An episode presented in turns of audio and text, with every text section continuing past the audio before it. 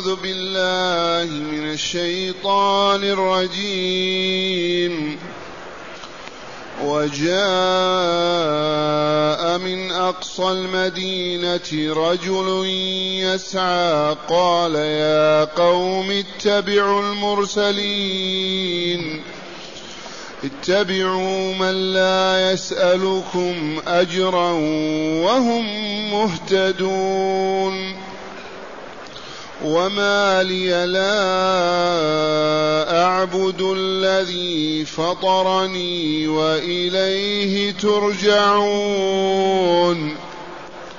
ااتخذ من دونه الهه ان يردني الرحمن بضر إن يردني الرحمن بضر لا تغن عني شفاعتهم شيئا ولا ينقذون. إني إذا لفي ضلال مبين.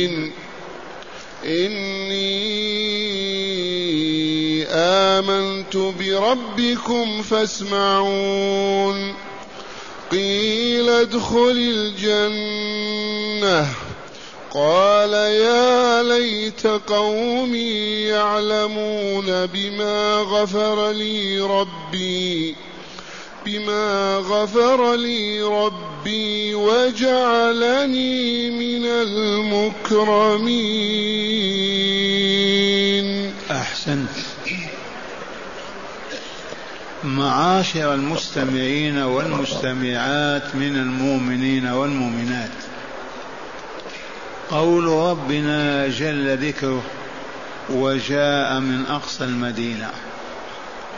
عرفنا بالأمس في دراسة الآيات السابقة أن هذه المدينة تسمى أنطاكيا. في حدود اليونان. وأهلها كان يحكمهم ملك وكانوا مشركين يعبدون غير الله. فما كان من عيسى عليه السلام إلا أن أوصى لرجلين صالحين من أتباعه وحواريه بأن يذهبوا إلى هذه المدينة ويبلغوا دعوة الله عز وجل. لعل الله ينقذ أولئك المشركين الكافرين. فذهب الرجلان وما أطاق وما تحمل الدعوة لصعوبتها لأنها في قوم لا يؤمنون بلقاء الله ولا بكتابه ولا رسوله. فعزز الله تبارك وتعالى بيوشع فأصبحوا ثلاثة. ثلاثة رجال هل هم شمعون؟ نعم. هل هم أنبياء أو دعاة صالحون؟ الخلاف موجود والكل واحد. ما داموا تحملوا مسؤولية الدعوة إلى الله فهم أنبياء الله ورسله. حسبهم أن يرسلهم عيسى بأمر الله عز وجل فهم مرسلون من قبل الله. إذا واشتد ضغط المشركين عليهم. وتوعدوهم بالعذاب وما استجابوا لهم. فلما تشددوا عليهم وآذوهم كان هناك في خارج المدينة في طرفها رجل يقال له الحبيب بن النجار حبيب ابن النجار وكان مصابا بمرض جذام أو برص. فعلم بهؤلاء المؤمنين فزارهم ودعوا الله تعالى فشفاه الله. إذ كان عيسى يشفي المريض بإذن الله. الأبرص والأكمه والأعمى فلما شفاه الله آمن وقوي إيمانه. فلما شاهد وبلغه ضغط المشركين على أولئك الرسل الثلاثة الداعين إلى الله ما كان منه إلا أن جاء إلى المدينة لينصرهم ويقف إلى جنبهم. وهذا بتدبير الله عز وجل. قال تعالى وجاء من أقصى المدينة رجل يسعى يمشي بسرعة ليخفف الضغط على أولئك الرسل الثلاثة. فقال يا قوم اتبعوا المرسلين. قال لمن؟ لأهل أنطاكيا ملكهم وجماعتهم. يا قوم اتبعوا المرسلين. من هم المرسلون؟ أولئك ثلاثة. اتبعوهم فيما يدعوكم إليه. آمنوا اتركوا الشرك والكفر. تخلوا عن الفساد والشر استجيبوا لدعوة هؤلاء الرسل. اتبعوا. قال يا قوم اتبعوا المرسلين اتبعوا من لا يسألكم أجرا. لو أن هؤلاء الرسل طالبوا منكم غنما إبلا بقرا أموالا طعاما شرابا لقلتم جاءوا يطلبون المال. هؤلاء يدعونكم مجانا لا يطالبونكم بدينار ولا درهم. اتبعوا من لا يسألكم أجرا. لو كانوا يطلبون منكم أجرا تقولون ما نعطي أموالنا دعونا. لكن دعاة الحق والخير في كل زمان ومكان ما يطلبون أجرا على دعوتهم أبدا. قل ما أسألكم عليه من أجر إن أجري إلا على الله. ذي دعوة الرسل. لا يسألكم أجرا والحال أنهم مهتدون في طريقهم إلى السعادة والكمال. مهتدون إلى طريق السعادة والكمال. ألا وهو عبادة الله وحده بما شرع من العبادات وهي فعل وترك وهذا هو الصراط المستقيم هذا هو الإسلام الموصل إلى رضوان الله عز وجل. وهم مهتدون. لو كانوا ضالين مفرطين فاسدين لكم الحق ألا تتبعوهم. هؤلاء لا يطلبون منكم أجرا والحال أنهم مهتدون إلى الحق عارفون بالطريق المستقيم الذي ينجي من سلكه. فامشوا معهم. لم تحاربونهم وتتوعدونهم بالعذاب والضوء ثم قال لهم وما لي لا شك أنهم قالوا وأنت لم تعبد هذا الإله الذي تزعم كإخوانك هؤلاء الرسل؟ ما حملك على هذا وأنت في بؤسك وفقرك وحاجتك وما إلى ذلك. فماذا قال؟ قال لهم وما لي لا أعبد الذي فطرني. أي شيء يمنعني من أن أعبد الذي خلقني؟ أنا مخلوق وأنتم مخلوقون. فخالقي هو الذي نعبده. أي شيء يمنعنا من عبادة خالقي؟ كيف أنصرف عن عبادتي؟ كيف أتخلى عنها؟ كيف أتركها؟ وأعبد الأحجار والأصنام والتماثيل. ما لي لا أعبد الذي فطرني أولا وإليه ترجعون. يعني يوم القيامة بعد موتكم ويحاسبكم ويجزيكم بأعمالكم خيرها وشرها. فكان إذا يقرر عقيدة البعث الآخر التوحيد والبعث الآخر في جملة واحدة. وما لي لا أعبد الذي فطرني أولا وهو خالق ورازق ومالك أمري ثم شيء آخر إليه ترجعون ويحاسبكم ويجزيكم.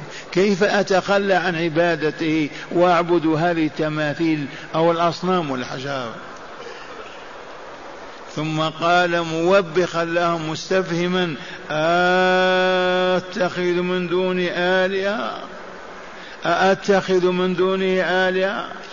أأجعل لي آلهة دون خالقي دون ربي دون مالك أمري؟ إن يردني الرحمن بضر لا تغني عني شفاعتهم شيئا ولا ينقذون. أتخذ من دون الله خالق وفاطر آلهة. هذه الأصنام التي تعبدونها. إن يريدني الرحمن جل جلاله وعظم سلطانه إن يريدني الرحمن وجاء بصفة من صفات الله عز وجل إذ والله لولا رحمة لدمرهم وأزال وجودهم. كفروا بخالقهم ومالك أمر ويعبدون الأصنام. ثم الله لرحمته يعفو ويترك فلهذا لوح بهذا المعنى الرحمن الذي رحمته وسعت كل شيء. أتخذ من دونه آلهة إن يردني الرحمن بضر من الأضرار مرض من الأمراض فقر كذا لا تغني عني شفاعتهم شيئا. والله ما تغني. شيئا ما قليلا وكثيرا. هل يشفع الأصنام والأحجار وتقبل شفاعتهم؟ هذا من باب فقط التوعية والتبصير. لو كانوا شفعاء ما تقبل شفاعتهم. لأنهم يعبدونهم كالعرب على أنهم يشفعون لهم عند الله. فأخبرهم أن شفاعتهم لا تغني شيئا. أتخذ من دونه آلهة إن يردني الرحمن عز وجل بضر بضر لا تغني شفاعتهم شيئا ولا ينقذوني. من ذلك الألم أو المرض أو الفقر أو أو ما إلى ذلك. والله ما ينقذون. وهل الأصنام تنقذ الأحجار؟